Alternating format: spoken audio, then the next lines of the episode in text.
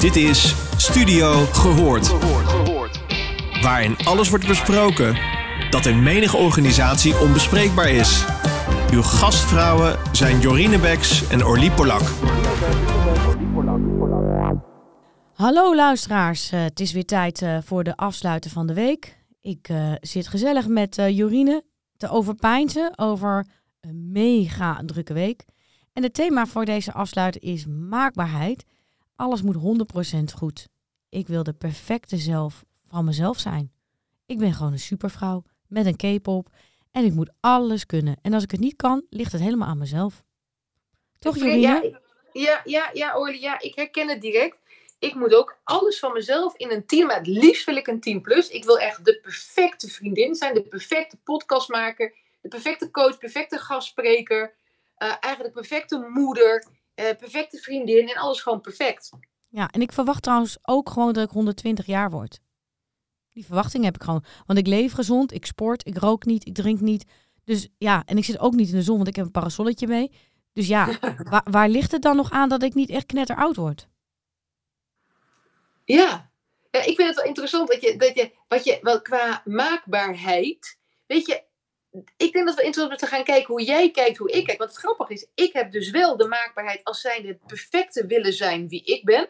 Maar ik heb zo'n vreselijke, nuchtere boereninzicht, dat ik weet dat ik met mijn voeten op de grond blijf, omdat ik meerdere keer heb meegemaakt in mijn leven dat het leven niet maakbaar is. Ik word soms moe van mezelf.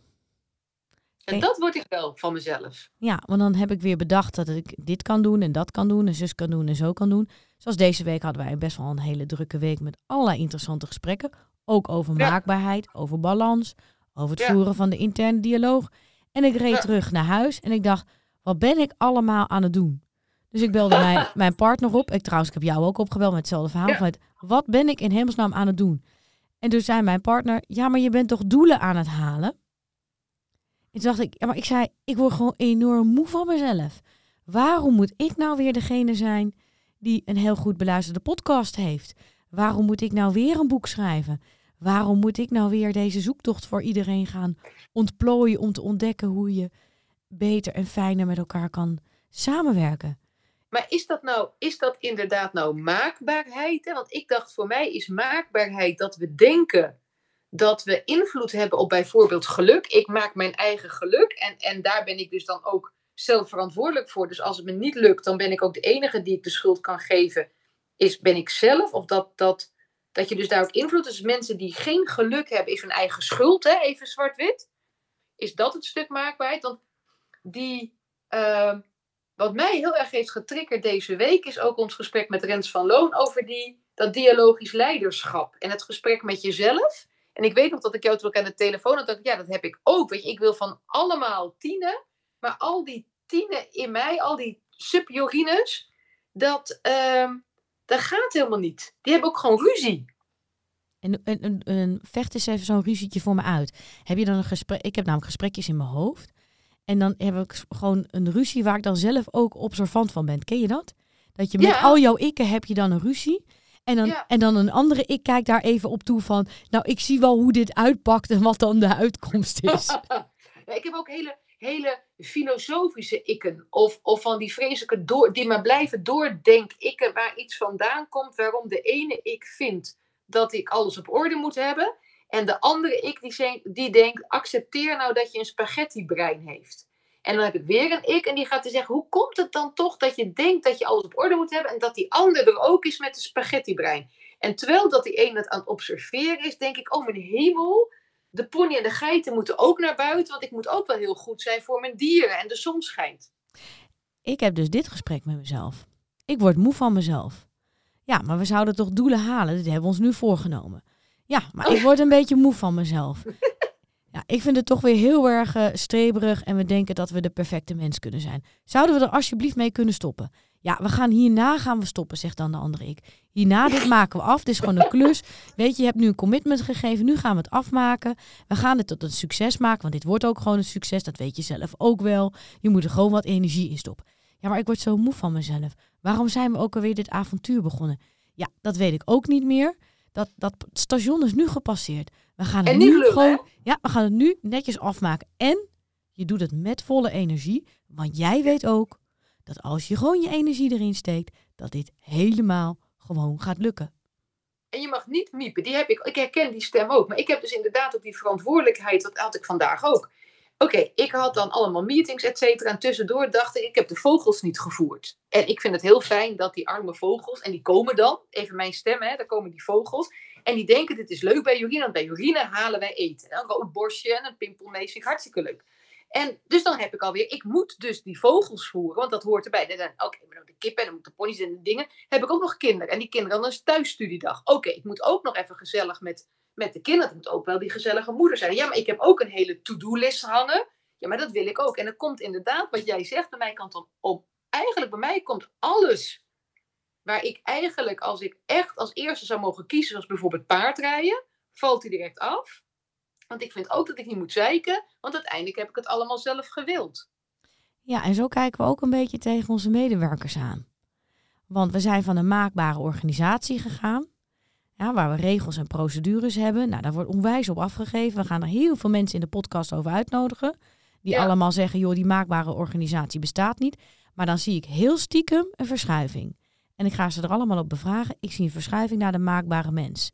Want we gaan niet meer, zeg maar, alles in procedures en regels doen. Nee, want de mens is vakbekwaam, is autonoom en moet zelf zijn keuzes kunnen maken. We hadden er vanmiddag een hele podcast over.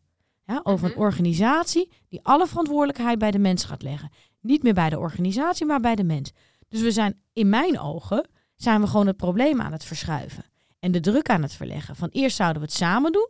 Want dat is organisatie. In mijn ogen is dat samen. Samen dragen we de verantwoordelijkheid voor onze organisatie, voor ons team, voor onze gemeenschap.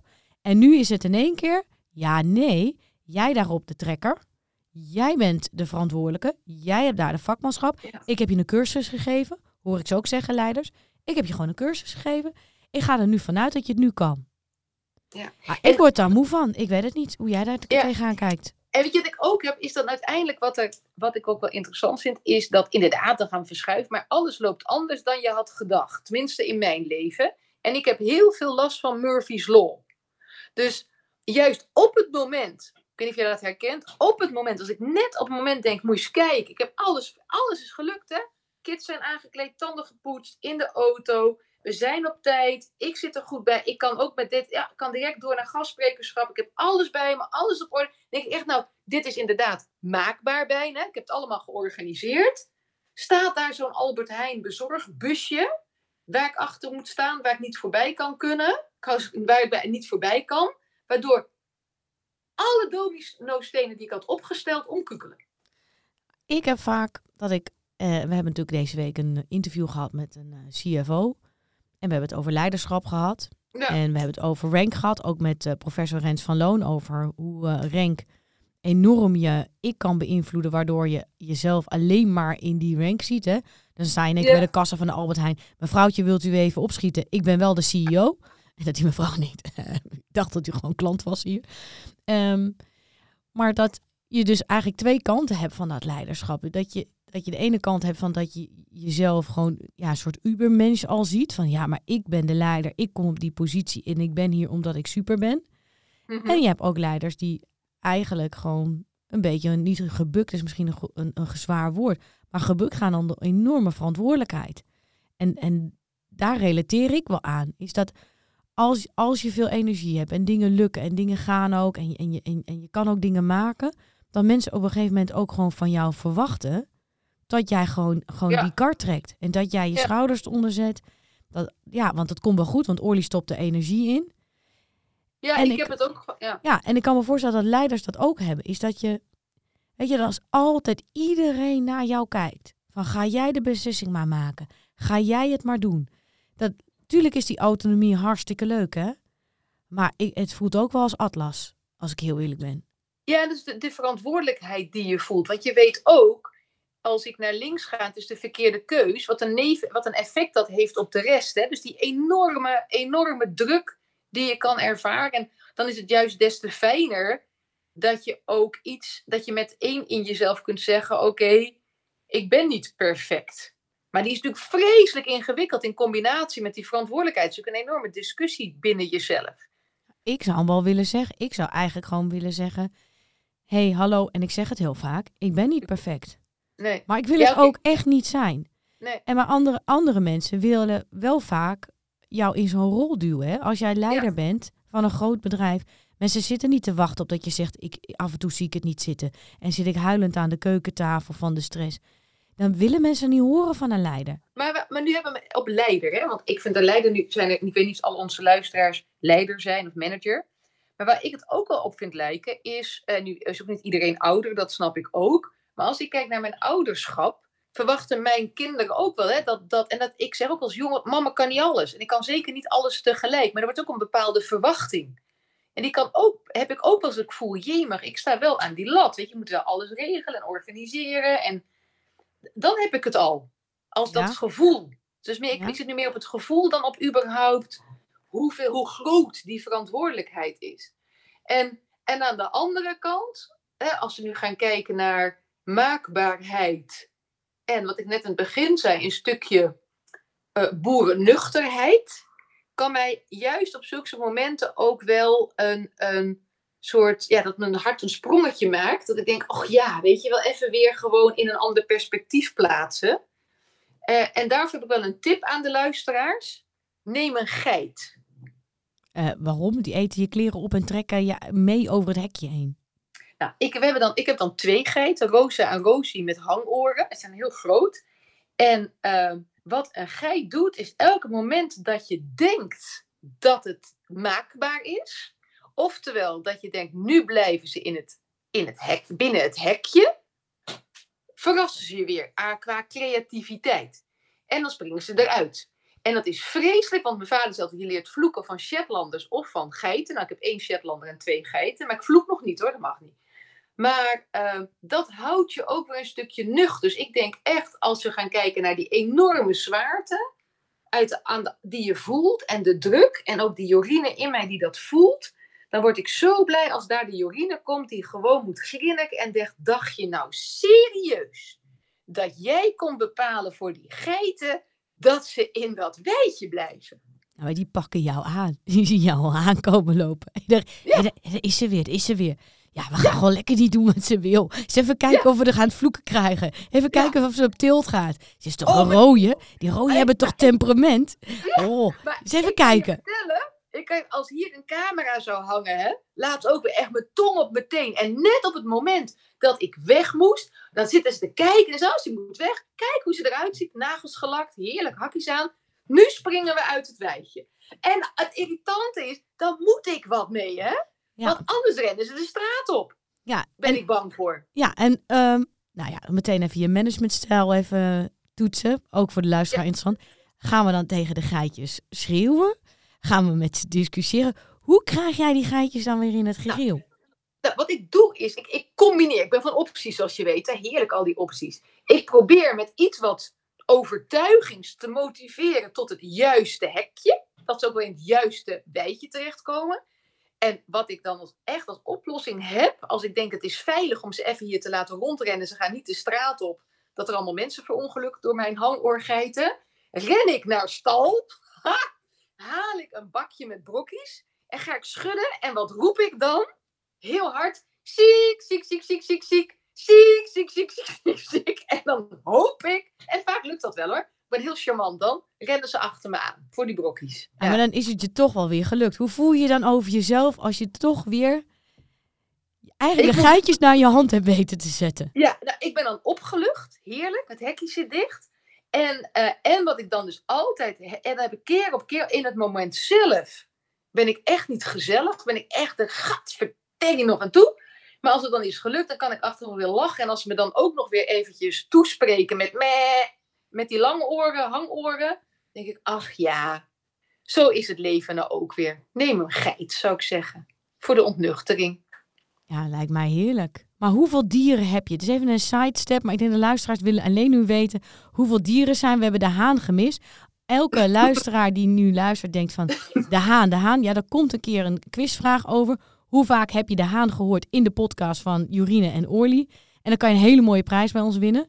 Maar even voor de luisteraar, even een kleine sidestep. Hoeveel dieren moeten er eigenlijk naar jou luisteren per dag of op een dag?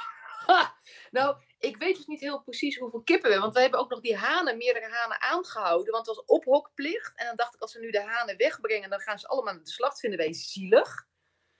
Dus ik denk dat we een stuk of twaalf kippen of zo. Ja, haan en kippen door elkaar hebben lopen. En dan dus Rosa en Rosie. En dan uh, Kers de pony.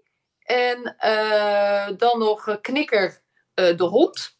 En nog vier grote paarden. Ja. Allemaal op hetzelfde terrein. Ja, en dan komen er ook nog wel eens een paar poezen voorbij. En, en natuurlijk de vogeltjes. Die vinden we allemaal heel erg leuk. Helpen met z'n allen ook vetbollen, zaadjes. Ja, ik ben echt van van dieren. Ja, en we hadden het um, deze uh, week hadden toevallig ook heel veel over de onnuchtering ja. van de, de perfecte ik. Yes. En toen kregen we allemaal tips over dat we naar buiten moesten gaan wandelen, dat we moesten gaan hardlopen. Ja, bos in. Ja, en volgens mij hoef jij alleen maar de tuin in.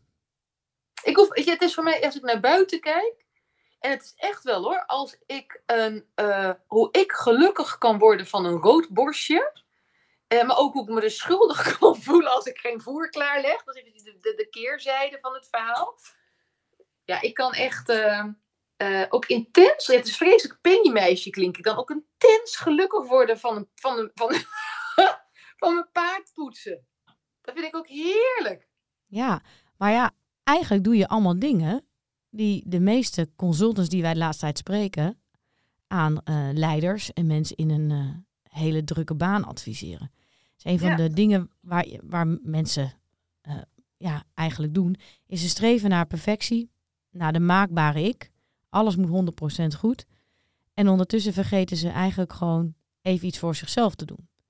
Dus dan heb je een hele drukke baan en je moet toch even naar die vergadering. Dus we gaan even niet hardlopen. En ja. we gaan even niet boksen. Of we gaan even niet de hond lang uitlaten wandelen. We gaan even niet dit even niet dat, even niet zus en even niet zo. Alleen maar omdat we aan het racen zijn voor de meest perfecte ik. Ja, ik denk inderdaad, als je nou gaat kijken naar waar we het over hebben gehad, die, de maakbaarheid, et cetera, de stress, de druk die je zelf oplegt, die, die discussies van al die Jorines en al die Orlies die we in onszelf allemaal voeren, is het misschien voor dit weekend wel eens mooi om gewoon eens even te gaan stilstaan. Gewoon even stilstaan. Wanneer voel je, dat is voor mij, ik weet niet of je dat herkent, ik, dat is de, eigenlijk de Jorine die nooit ouder is geworden dan ik een jaar of zes. Gewoon dat je dat weer voelt. Gewoon de, het, de vrijheid en gewoon het giechelen. Gewoon de onbezorgdheid, dat is het. Even ik kan niet moeten. Ja, ja, die onbezorgdheid, dat is wat zo'n geit ook, als hij dus in het hekje zit weer, wat hij me geeft. Nou, ik vind het een mooie afsluiter voor deze terugblik. Even gewoon niet moeten. Even ook een beetje lachen. Ja. En laat het maar gewoon gebeuren. En het is ja, oké. Niet moeilijk doen. Ja, niet moeilijk doen, laten gebeuren. Ja. Nou, hey, fijn weekend. Wat ga je voor leuks doen, Orly? Ik moet nu naar huis reizen, want ik heb, besloten, ja, want ik heb besloten dat de hele, hele schoonfamilie komt eten. En ik heb mezelf natuurlijk weer een ambitie opgelegd. En dat is, ik ga voor het eerst een rollade proberen te klussen. Oh, oh dat, is, dat, dat, dat best wel te doen. Maar uh, dat terzijde, uh, ik, ik, ik, was net in de zen-modus en nu denk ik, oh mijn hemel, die arme Orly, ik moet ophangen, want ze heeft enorm veel haast. Uh, weet je wat ik heb voor het weekend? Ik hoop niks. Ja. Heerlijk. Paardpoetsen en, en, en, en, en geitjes lokken. En kiep, kiep, kiep, kiep roepen voor de kippen. Ja, ja. goed. Ik wens je een goed weekend. En jij heel veel sterkte. Succes ermee. Je kunt het, je kunt het. You go girl. Doei. Je luisterde naar Studio Gehoord. Vond je dit een leuke podcast? Laat dan een review achter bij jouw favoriete podcastplatform. Tot de volgende!